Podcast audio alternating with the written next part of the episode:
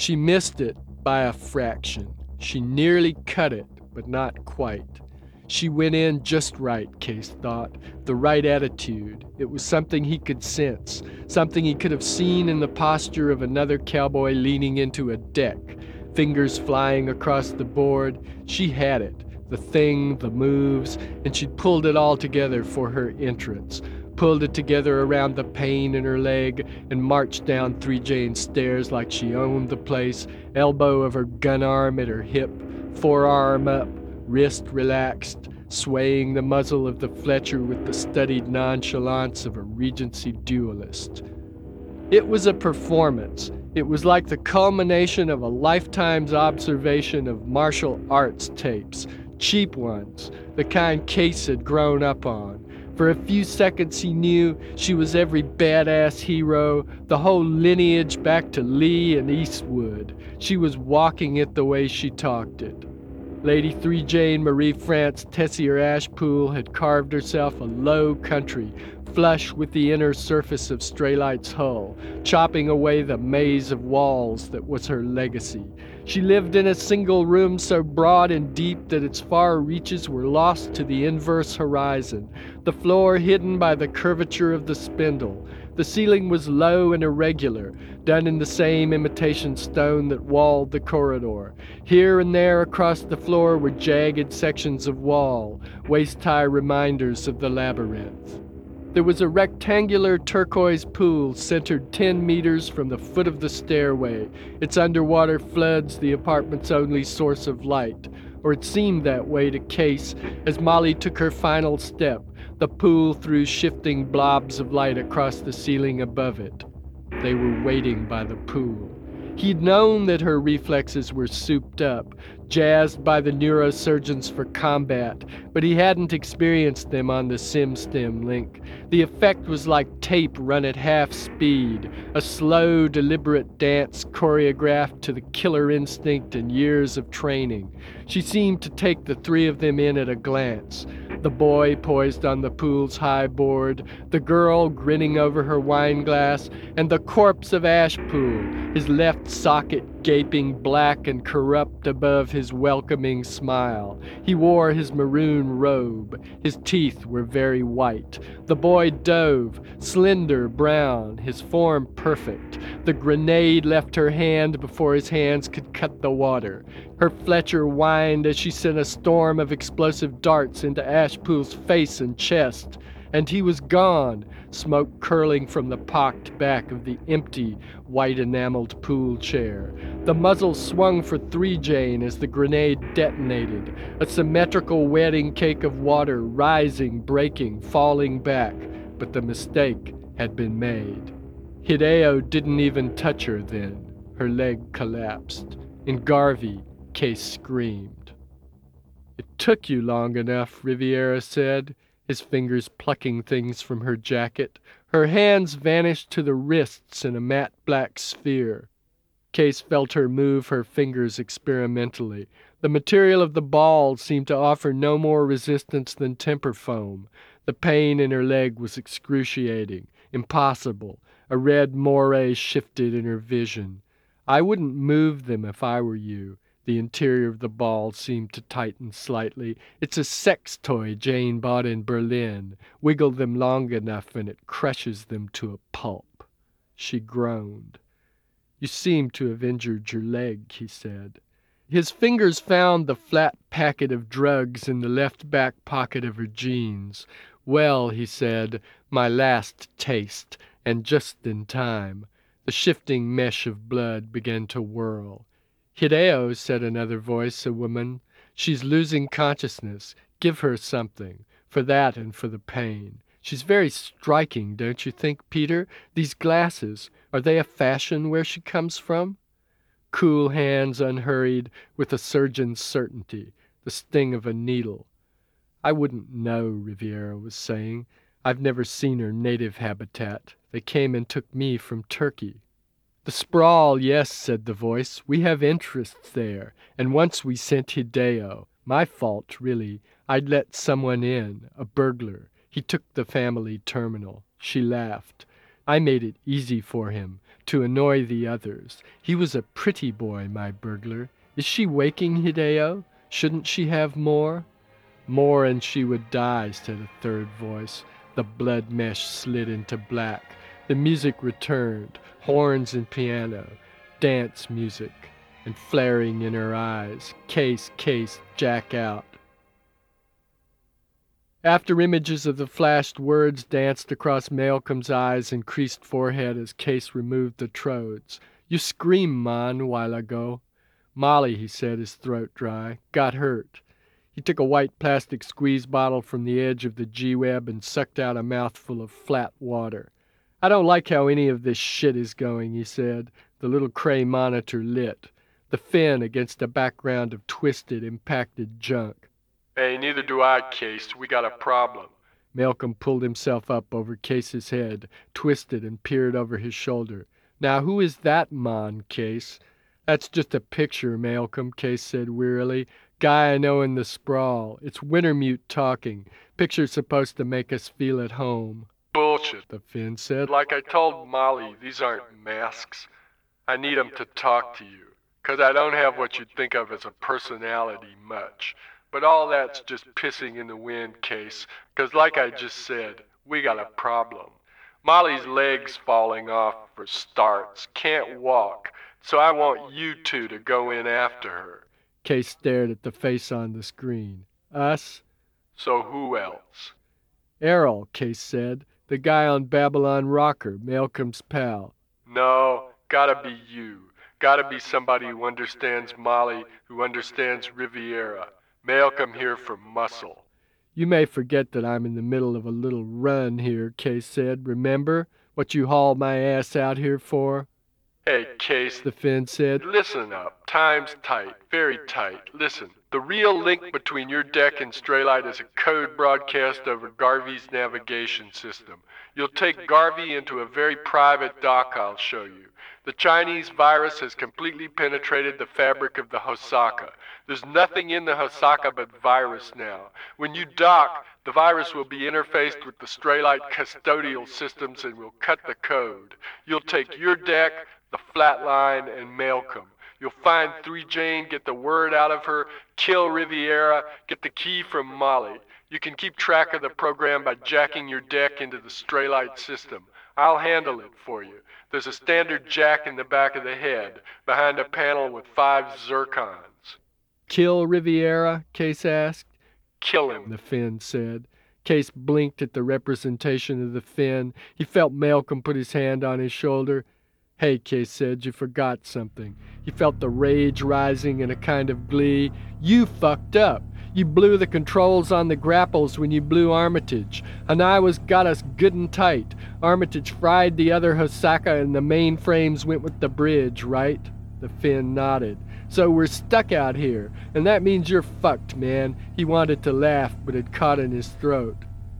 Case, man, Malcolm said softly. Remember, Garvey a tug, That's right. said the Finn, and smiled. You having fun in the big world outside? The construct asked when Case jacked back in. Figured that was Wintermute requesting the pleasure. Yeah, Case said, you bet. Kuang okay? Bang on, man. That's a killer virus. Okay, got some snags, but we're working on it. You want to tell me, maybe? Dixie said. I don't have time, Case said. Well, boy, never mind me. I'm just dead anyway. Fuck off, Case said and flipped, cutting off the torn fingernail edge of the flatline's laughter. She dreamed of a state involving very little in the way of individual consciousness, 3 Jane was saying. She cupped a large cameo in her hand, extending it toward Molly. The carved profile was very much like her own. Animal bliss. I think she viewed the evolution of the forebrain as a sort of sidestep. Only in certain heightened modes would an individual, a clan member, suffer the more painful aspects of self awareness. Molly nodded. Case remembered the injection. What had they given her? The pain was still there, but it came through as a tight focus of scrambled impressions. Her hands, still locked in the black ball, were on her lap. She sat in one of the pool chairs, her broken leg propped straight in front of her on a camel skin hassock. Three Janes sat opposite, on another hassock, huddled in an oversized djellaba of unbleached wool. She was very young. Where'd Riviera go? Molly asked. To take his shot? Three Jane shrugged beneath the folds of the pale, heavy robe and tossed a strand of dark hair away from her eyes. He told me when to let you in, Three Jane said. He wouldn't tell me why. Everything has to be a mystery. Would you have hurt us? Case felt Molly hesitate.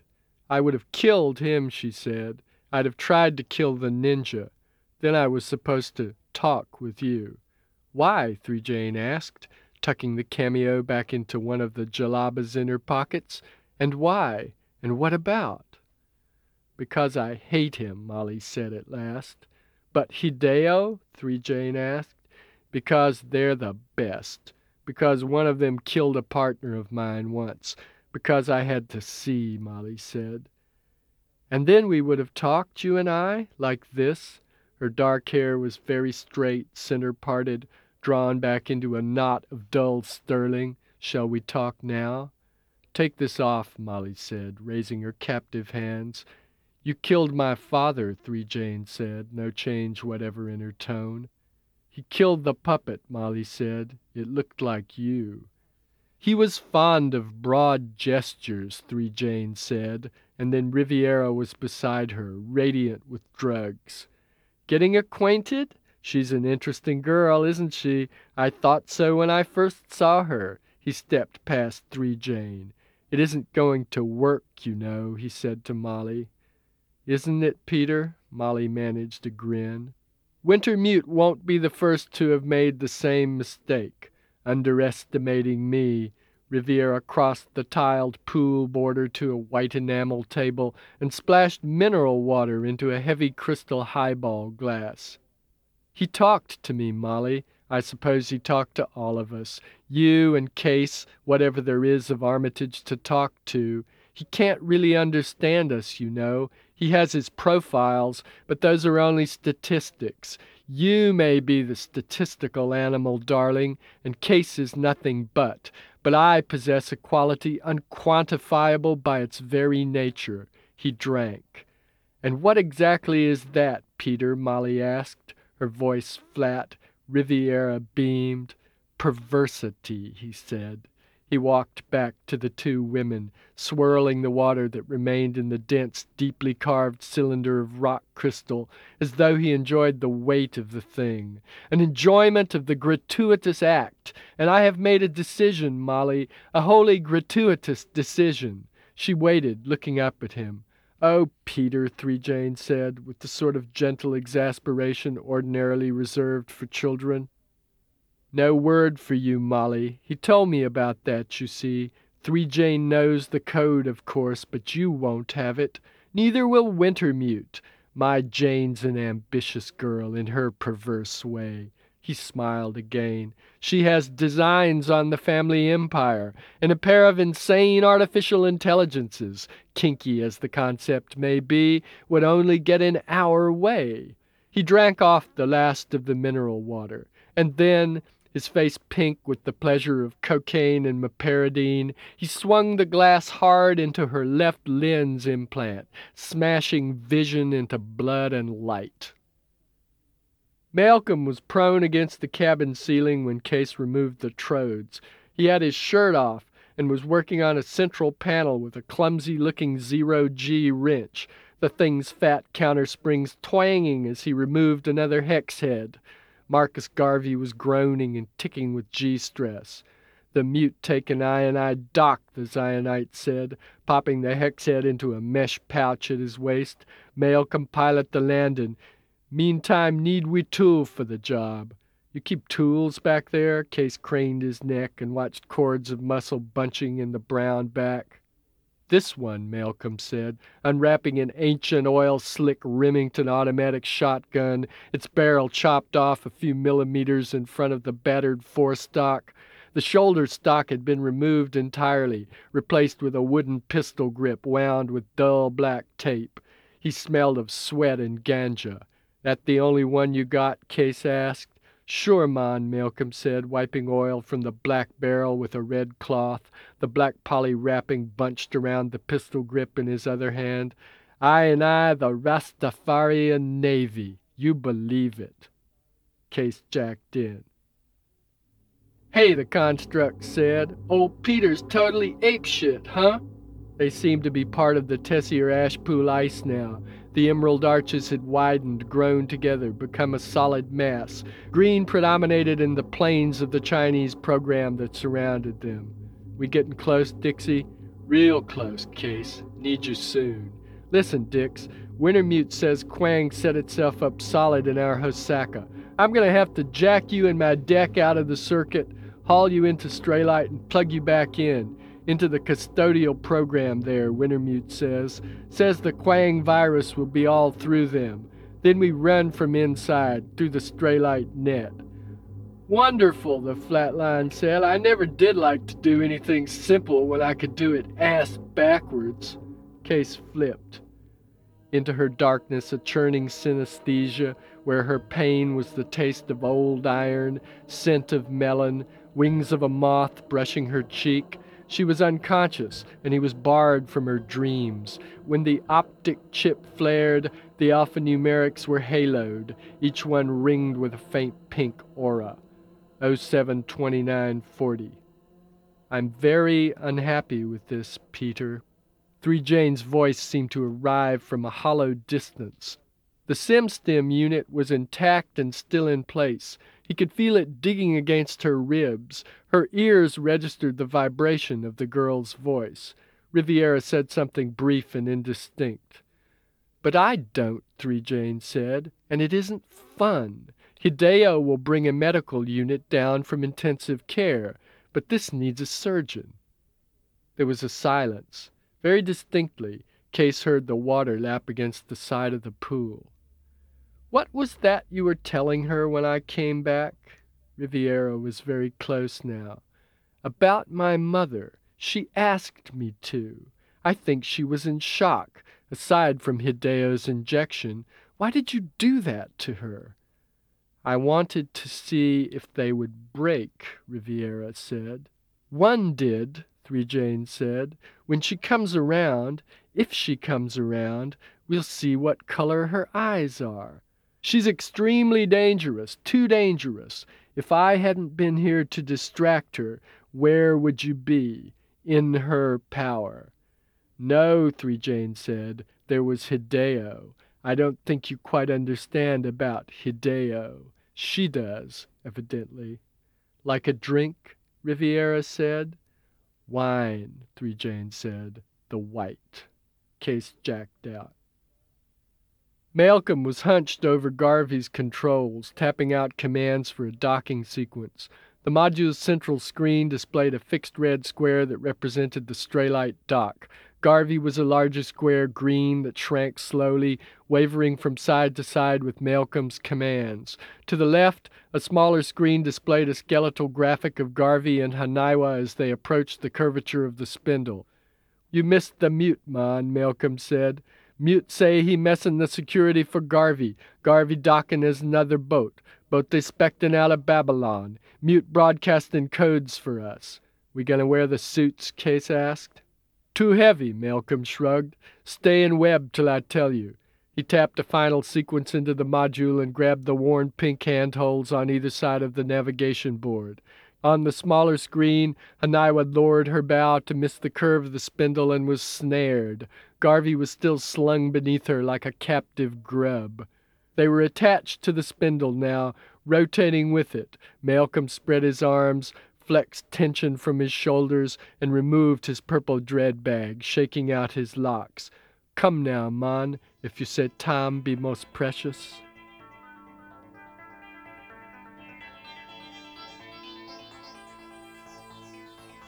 The Villa Straylight was a parasitic structure, Case reminded himself as he stepped past the tendrils of caulk and through Marcus Garvey's forward hatch. Straylight bled air and water out of Freeside and had no ecosystem of its own. Malcolm was already making his way up the rings of the gangway, pulling himself up with his left hand, the Remington in his right. He wore a stained pair of baggy fatigues, his sleeveless green nylon jacket, and a pair of ragged canvas sneakers with bright red soles. The gangway shifted slightly each time he climbed to another ring. "Mon," Malcolm said quietly, "you get up here, side me." Case edged sideways on the circular ladder and climbed the last few rungs. The gangway ended in a smooth, slightly convex hatch, two meters in diameter. The hatch was centered in a round, vaulted chamber floored with blue, non slip plastic tiles. Malcolm nudged him, pointed, and he saw a monitor set into a curved wall. On the screen, a tall young man with the Tessier Ashpool features was brushing something from the sleeves of his dark suit coat. He stood beside an identical hatch in an identical chamber. Very sorry, sir, said a voice from a grid centered above the hatch. Case glanced up. Expected you later, at the axial dock. One moment, please. On the monitor, the young man tossed his head impatiently. Malcolm spun as a door slid open to their left, the shotgun ready. A small Eurasian in orange coveralls stepped through and goggled at them. He opened his mouth, but nothing came out. He closed his mouth. Case glanced at the monitor. It was blank. Who? the man managed. The Rastafarian Navy, Case said, standing up, the cyberspace deck banging against his hip. And all we want's a jack into your custodial system. The man swallowed. Is this a test? It's a loyalty check.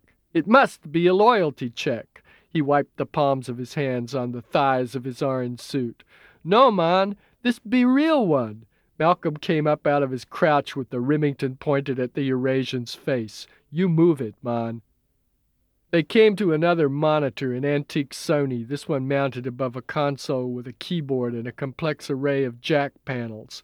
The screen lit as they halted, the Finn grinning tensely out at them from what seemed to be the front room of Metro Holografix. Okay, He said, Malcolm takes this guy down the corridor to the open locker door, sticks him in there. I'll lock it. Case, you want the fifth socket from the left, top panel. There's adapter plugs in the cabinet under the console. Needs one Ono Sendai 20 point into Hitachi 40. What kept you? the flatline asked, and laughed. I told you not to laugh like that, Case said. Joke, boy, the construct said. Zero time lapse for me. Let me see what we got here.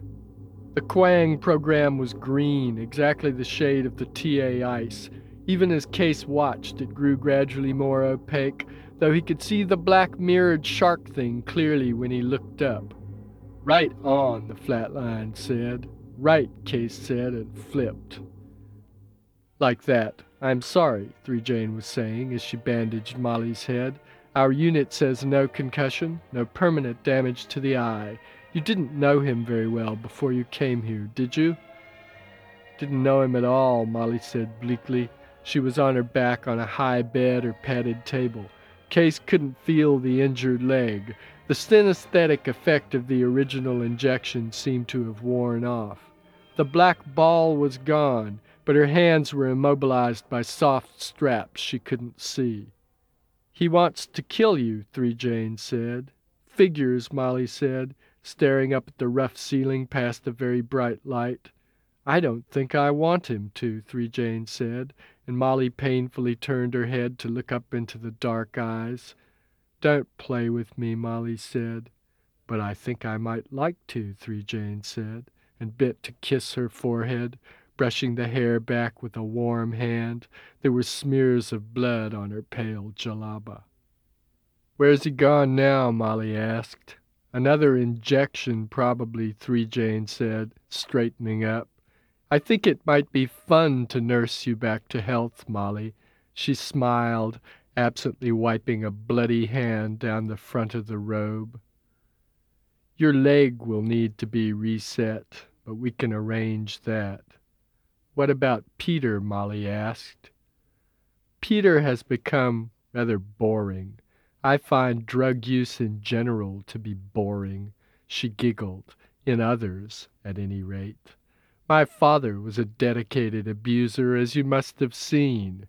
Molly tensed. Don't alarm yourself. Three Jane's fingers brushed the skin above the waistband of the leather jeans. His suicide was the result of my having manipulated the safety margins of his freeze. I'd never actually met him, you know. I was decanted after he last went down to sleep. But I did know him very well. The Corps know everything. I watched him kill my mother. I'll show you that when you're better. He strangles her in bed. Why did he kill her? Molly's unbandaged eye focused on the girl's face. He couldn't accept the direction she intended for our family. She commissioned the construction of our artificial intelligences. She was quite a visionary. She imagined us in a symbiotic relationship with the AIs, our corporate decisions made for us. Fascinating. But I've never understood her, really, and with her death, her direction was lost all direction was lost, and we began to burrow into ourselves. Now we seldom come out. I'm the exception there. You said you were trying to kill the old man? You fiddled his cryogenic programs? 3J nodded. I had help from a ghost. That was what I thought when I was very young, that there were ghosts in the corporate Corps, voices. One of them was what you call Wintermute, which is the Turing code for our Berne AI, although the entity manipulating you is a sort of sub-program. One of them? There's more? One other, but that one hasn't spoken to me in years. It gave up, I think. I suspect that both represent the fruition of certain capacities my mother ordered designed into the original software but she was an extremely secretive woman when she felt it necessary. Jane, love, Riviera asked cheerfully from somewhere out of sight, are you enjoying yourself? Leave us alone, Peter. Playing doctor, Riviera said. Suddenly Molly stared into her own face, the image suspended ten centimeters from her nose. There were no bandages. The left implant was shattered, a long finger of silvered plastic driven deep in a socket that was an inverted pool of blood. Hideo, Three Jane said, stroking Molly's stomach. Hurt Peter if he doesn't go away. The projection vanished. 075840 in the darkness of the bandaged eye. He said you knew the code, Peter said. Wintermute needs the code. Case was suddenly aware of the Chubb key that lay on its nylon thong against the inner curve of her left breast. Yes, Three Jane said, withdrawing her hand, I do. I learned it as a child, but I think that Peter has a point in urging me not to surrender it. There would be Turing to contend with, if I read all this correctly, and ghosts are nothing if not capricious. Case jacked out. Strange little customer, huh? The Finn grinned at Case from the old Sony. Case shrugged. He saw Malcolm coming back along the corridor with the Remington at his side. The Zionite was smiling, his head bobbing to a rhythm Case couldn't hear. A pair of thin yellow leads ran from his ears to a side pocket in his sleeveless jacket. Dub, man, Malcolm said. You're fucking crazy, Case told him. Hero came on. Righteous dub. Hey guys, the Finn said. On your toes. Here comes your transportation. I can't finesse many numbers as smooth as the pick of eight gene that conjured Doorman, but I can get you a ride over to Three Jane's place. Case was pulling the adapter from its socket when the riderless service cart swiveled into sight. The cart stopped in front of a door. A Braun micro drone scuttled over mounded carpets and tapped one of its padded claws against an oversized rectangular door of dark, battered wood. Case stepped forward and tried the ornate brass knob. The door's hinges creaked plaintively as he edged it open, Malcolm stepping past him with the Remington thrust forward from his hip. Books, Malcolm said. The library, the white steel shelves with their labels. I know where we are, Case said. The Braun was plucking at the leg of his jeans, nipping at his ankle. He resisted a strong urge to kick it. Yeah? It ticked its way around the door. He followed it. The monitor in the library was another Sony, as old as the first one. The Braun paused beneath it and executed a sort of jig. Wintermute? Case asked. The familiar features filled the screen. The Finn smiled. Time to check in, Case, the Finn said, his eyes screwed up against the smoke of his cigarette. Come on, man. Jack. The Braun threw itself against his ankle and began to climb his leg, its manipulators pinching his flesh through the thin black cloth. Shit! He slapped it aside and it struck the wall. Two of its limbs began to piston repeatedly, uselessly, pumping the air. What's wrong with the goddamn thing? Burned out, the Finn said. Forget it. Jack in now. There were four sockets beneath the screen, but only one would accept the Hitachi adapter.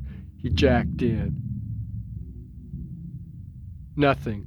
Gray void, no matrix, no grid, no cyberspace. The deck was gone, and on the far rim of consciousness, a scurrying, a fleeting impression of something rushing toward him across leagues of black mirror. He tried to scream.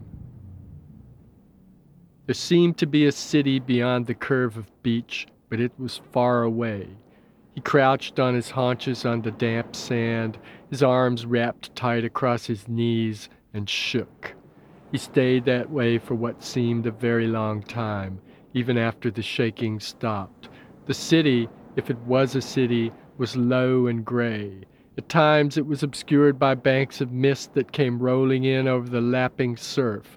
At one point he decided that it wasn't a city at all, but some single building, perhaps a ruin. He had no way of judging its distance. The sand was the shade of tarnished silver that hadn't gone entirely black. The beach was made of sand. The beach was very long. The sand was damp. The bottoms of his jeans were wet from the sand. He held himself and rocked, singing a song without words or tune. The sky was a different silver, Chiba, like the Chiba sky. Wintermute, he mumbled to his knees, Wintermute. It was growing dark now, and when he shivered, it was with a cold that finally forced him to stand. His knees and elbows ached. His nose was running. He wiped it on the cuff of his jacket, then searched one empty pocket after another. Jesus, he said, shoulders hunched, tucking his fingers beneath his arms for warmth. Jesus. His teeth began to chatter. The tide had left the beach combed with patterns more subtle than any a Tokyo gardener produced. When he'd taken a dozen steps in the direction of the now invisible city, he turned and looked back through the gathering dark. His footprints stretched to the point of his arrival. There were no other marks to disturb the tarnished sand. Time passed. He walked on. And then it was there, a glow defining itself with his every step, a rectangle, a door. Fire in there, he said, his words torn away by the wind. It was a bunker, stone or concrete, buried in drifts of the dark sand. The doorway was low, narrow, doorless, and deep, set into a wall at least a meter thick. Hey, Case said softly. Hey. His fingers brushed the cold wall. There was a fire in there, shifting shadows on the sides of the entrance. He ducked low and was through, inside in three steps. A girl was crouched beside rusted steel, a sort of fireplace, where driftwood burned, the wind sucking smoke up a dented chimney. The fire was the only light, and as his gaze met the wide, startled eyes, he recognized her headband, a rolled scarf, printed with a pattern like magnified circuitry. He refused her arms that night, refused the food she offered him, the place beside her in the nest of blankets and shredded foam. He crouched beside the door finally and watched her sleep, listening to the wind scour the structure's walls. Every hour or so, he rose and crossed to the makeshift stove, adding fresh driftwood from the pile beside it. None of this was real, but cold was cold. She wasn't real, curled there on her side in the firelight. He watched her mouth, the lips parted slightly. She was the girl he remembered from their trip across the bay, and that was cruel. Mean motherfucker, he whispered to the wind. Don't take a chance, do you? Wouldn't give me any junkie, huh? I know what this is. He tried to keep the desperation from his voice. I know, see? I know who you are. You're the other one. Three Jane told Molly. Burning bush. That wasn't Wintermute, it was you. He tried to warn me off with the Braun. Now you got me flatlined. You got me here. Nowhere. With a ghost. Like I remember her before. She stirred in her sleep, calling something out, drawing a scrap of blanket across her shoulder and cheek. You aren't anything, he said to the sleeping girl. You're dead, and you mean fuck all to me anyway. Hear that, buddy? I know what you're doing. I'm flatlined. This is all taking about 20 seconds, right? I'm out on my ass in that library, and my brain's dead, and pretty soon it'll be dead if you got any sense. You don't want Wintermute to pull this scam off, is all. So you can just hang me up here. Dixie'll run Kuang, but his ass is dead, and you can second guess his moves, sure. This Linda shit, yeah, that's all been you, hasn't it? Wintermute tried to use her when he sucked me into the Chiba construct, but he couldn't. Said it was too tricky. That was you moved the stars around at Freeside, wasn't it? That was you put her face on the dead puppet in Ashpool's room. Molly never saw that. You just edited her sim-stim signal, 'cause you think you can hurt me, 'cause you think I gave a shit. Well, fuck you, whatever you're called. You won, you win, but none of it means anything to me now, right? Think I care? So why'd you do it to me this way? He was shaking again, his voice shrill. Honey, she said, twisting up from the rags of blankets, you come here now and sleep. I'll sit up you want. You gotta sleep, okay? When he woke, she was gone. The fire was dead, but it was warm in the bunker, sunlight slanting through the doorway to throw a crooked rectangle of gold on the ripped side of a fat fiber canister. The thing was a shipping container. He remembered them from the Chiba docks. Rolling out of the nest, he went to the canister and fished one of the things out. Blinking at small print in a dozen languages, the English was on the bottom. Emergency ration, high pro, beef, type AG8. A listing of nutritive content. He fumbled a second one out. Eggs. If you're making this shit up, he said, you could lay on some real food, okay? He searched the room with the fireplace, finding a plastic canister filled with what he assumed was rainwater. Beside the nest of blankets against the wall lay a cheap red lighter, a seaman's knife with a cracked green handle, and her scarf. It was still knotted and stiff with sweat and dirt. He used the knife to open the yellow packets, dumping their contents into a rusted can that he found beside the stove. He dipped water from the canister, mixed the resulting mush with his fingers, and ate. It tasted vaguely like beef. When it was gone, he tossed the can into the fireplace and went out. Late afternoon by the feel of the sun, its angle, he kicked off his damp nylon shoes and was startled by the warmth of the sand. In daylight, the beach was silver gray. The sky was cloudless, blue. He rounded the corner of the bunker and walked toward the surf, dropping his jacket on the sand. Dunno whose memories you're using for this one, he said when he reached the water. He peeled off his jeans and kicked them into the shallow surf, following them with t-shirt and underwear. What you doing, Case? He turned and found her ten meters down the beach, the white foam sliding past her ankles. The faded French fatigues had been hacked away above the knee. The skin below was smooth and brown. A breeze caught at her hair. Listen, he said, scooping his clothes up and walking toward her. I got a question for you. I won't ask you what you're doing here, but what exactly do you think I'm doing here? He stopped, a wet black jeans leg slapping against his bare thigh. You came last night, she said. She smiled at him. And that's enough for you? I just came? He said you would, she said, wrinkling her nose. She shrugged. He knows stuff like that, I guess. She lifted her left foot and rubbed salt from the other ankle, awkward, childlike. And that's the last thing you remember? He watched her scrape the last of the freeze dried hash from the rectangular steel box cover that was their only plate. She nodded her eyes huge in the firelight. I'm sorry, Case, honest to God. It was just the shit, I guess, and it was.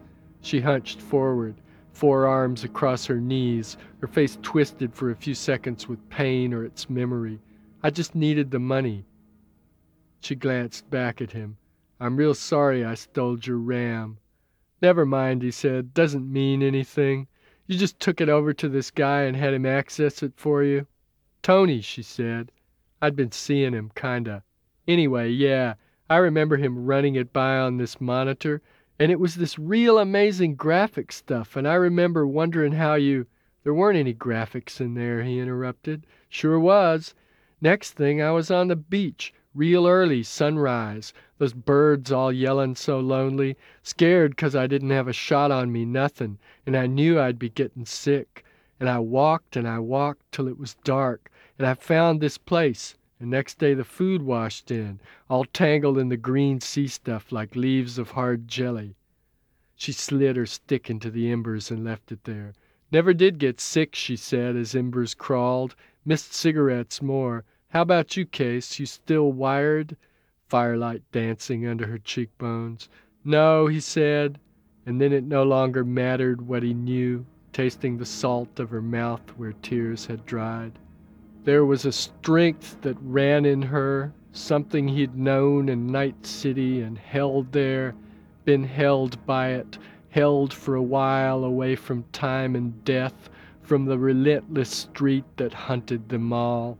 It was a place he'd known before. Not everyone could take him there, and somehow he always managed to forget it. Something he'd found and lost so many times. It belonged, he knew, he remembered, as she pulled him down, to the meat, the flesh the cowboys mocked. It was a vast thing beyond knowing, a sea of information coded in spiral and pheromone, infinite intricacy that only the body, in its strong, blind way, could ever read. The zipper hung caught as he opened the French fatigues, the coils of toothed nylon clotted with salt. He broke it, some tiny metal part shooting off against the wall as salt rotten cloth gave, and then he was in her, effecting the transmission of the old message. Here, even here, in a place he knew for what it was, a coded model of some stranger's memory, the drive held. She shuddered against him as the stick caught fire, a leaping flare that threw their locked shadows across the bunker wall. And later, as they lay together, his hand between her thighs, he remembered her on the beach, the white foam pulling at her ankles, and he remembered what she had said.